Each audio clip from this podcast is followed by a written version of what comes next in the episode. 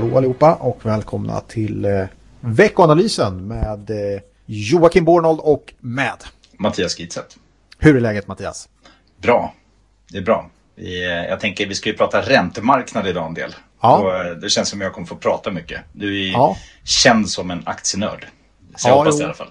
Räntemarknaden är inte min eh, marknad, helt klart. Så jag, jag, jag, jag lämnar tacksamt över det till dig. Men bara bra. Du brukar säga att det är mycket bra. Är det, är det, betyder det att det är dåligt? Ungefär som det här med analytikers förväntningar och... Nej, det är, det är helt okej. Det har varit lite hälsoutmaningar i och för sig. Men eh, nej, det är, det, är, det är bra faktiskt. Ändå. Det, det kanske inte bara är mycket bra helt enkelt. Nej, jag får nöja mig med det.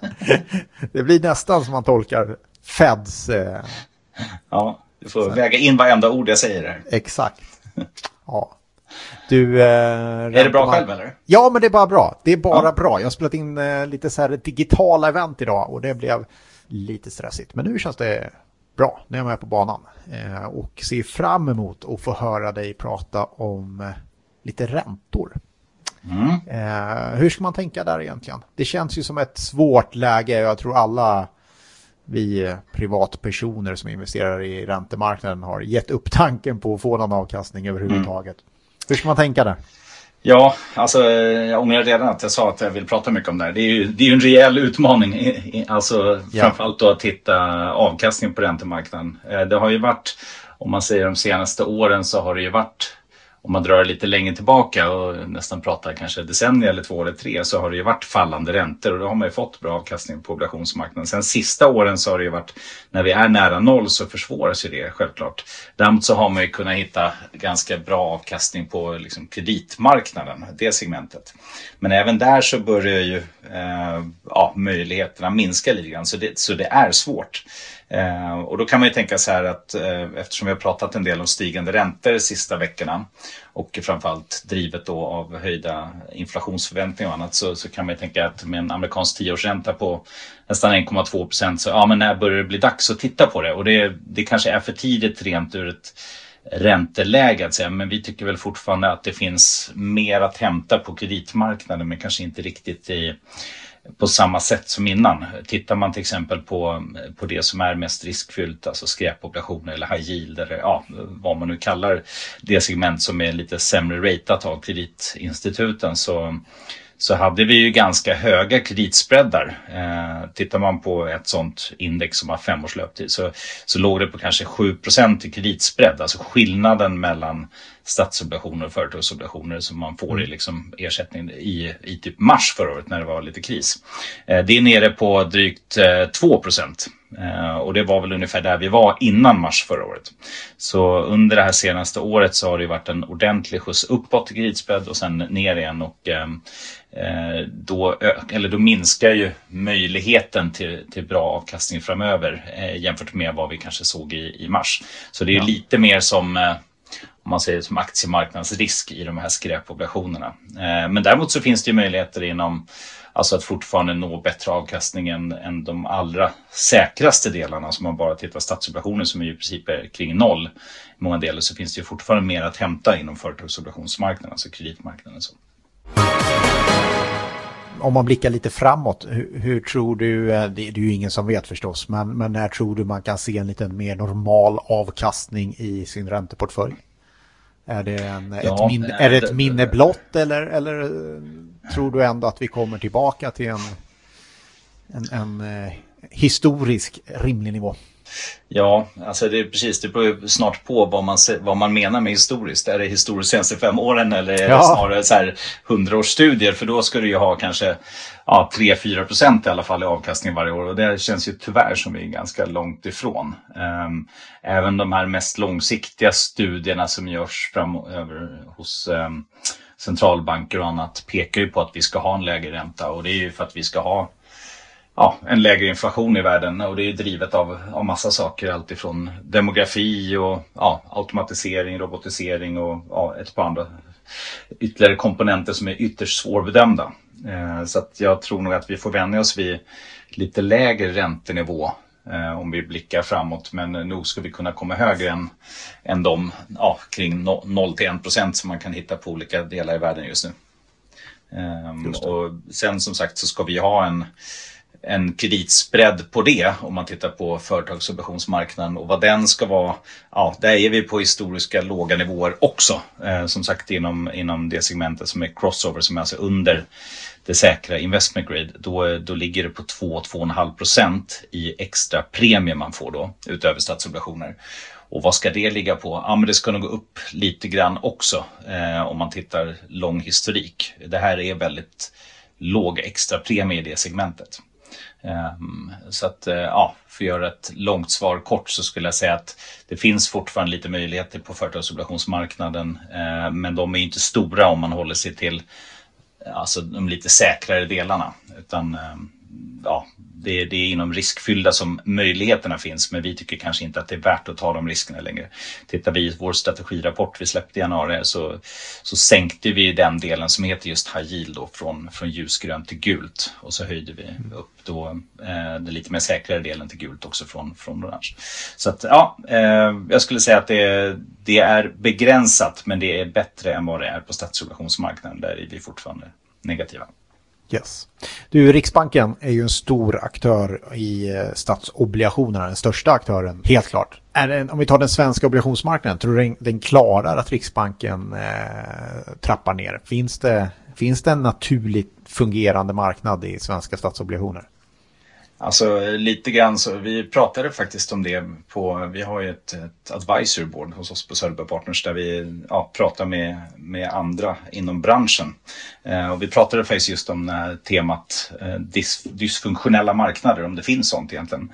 Eh, och man kan ju hävda det i till exempel obligationsmarknaden när, när Riksbanken har så stor andel. Men vi kom nog alla fram till att ja, den är det. Eh, den är ändå funktionell och den, det kommer att eh, det kommer att själv anpassa sig igen. Eh, så ja. vi, vi tror ju faktiskt att det gör det så fort nivåerna mm. kommer upp lite.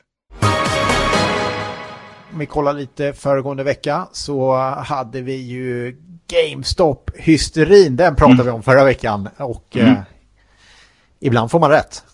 Ja, det är, det, det, är nästan så här, alltså, så att man vet om det innan. Att i det här ja. läget när det går upp så pass paraboliskt, eller man säger, att när det bara drar rakt upp av en sån grej, då, då, ska det också komma ner likadant. Så det här var väl en klassisk sån kort bubbla va? Mm. Fascinerande, men, men, antagligen inte sista skulle jag tro. Nej. Det, det lär nog dyka upp fler, eh, helt klart. Eh, ja, vi hade ju en hel del eh, roliga bokslutsrapporter som kom. Eh, Volvo ramlade in med riktigt starkt resultat.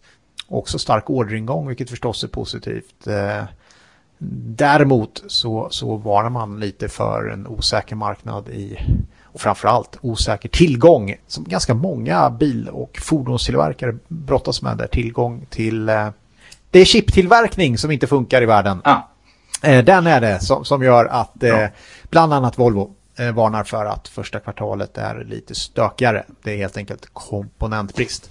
Men i övrigt en väldigt, väldigt stark rapport. Ja, både Alphabet och Amazon kom i veckan och visade också på en enorm styrka. Så rätt positivt ändå måste man väl säga.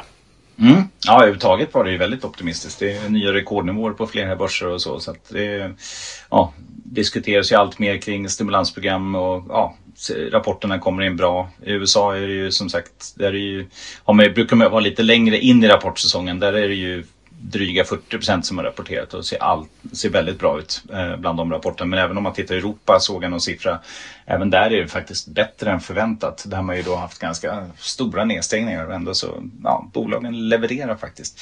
Men jag tycker det är intressant det du säger med Volvo där med, med bristen eh, av mm. varor. Det är ju, faktiskt eh, förra veckan så kom ju bland annat då amerikanska ISM-index eh, som är en inköpschefsindex på nationell nivå och eh, det ja. föll lite mer. Och, eh, men ligger ju på jättehöga nivåer. Man har, inköpscheferna har ju bara blivit mer och mer positiva och där finns det ju massa olika delkomponenter och en sån är just längre leveranstider. Eh, mm. Och det är ju i det här fallet så är det ju positivt när de då, för de bidrar ju positivt till index eftersom man ser att det är en ökad efterfrågan normalt. Men frågan är om det är det som det är drivet av eller om det helt enkelt är lite stopp. Eh, för att jag uppfattar det så i många delar av ekonomin just nu att det är långa leveranstider och kanske inte bara på grund av höjd efterfrågan utan att det helt enkelt inte riktigt ja, funkar som det ska när det är nedstängda ekonomier. Så att eh, ja. jag är lite, ja, man får vara försiktig med de siffror man ser skulle jag säga.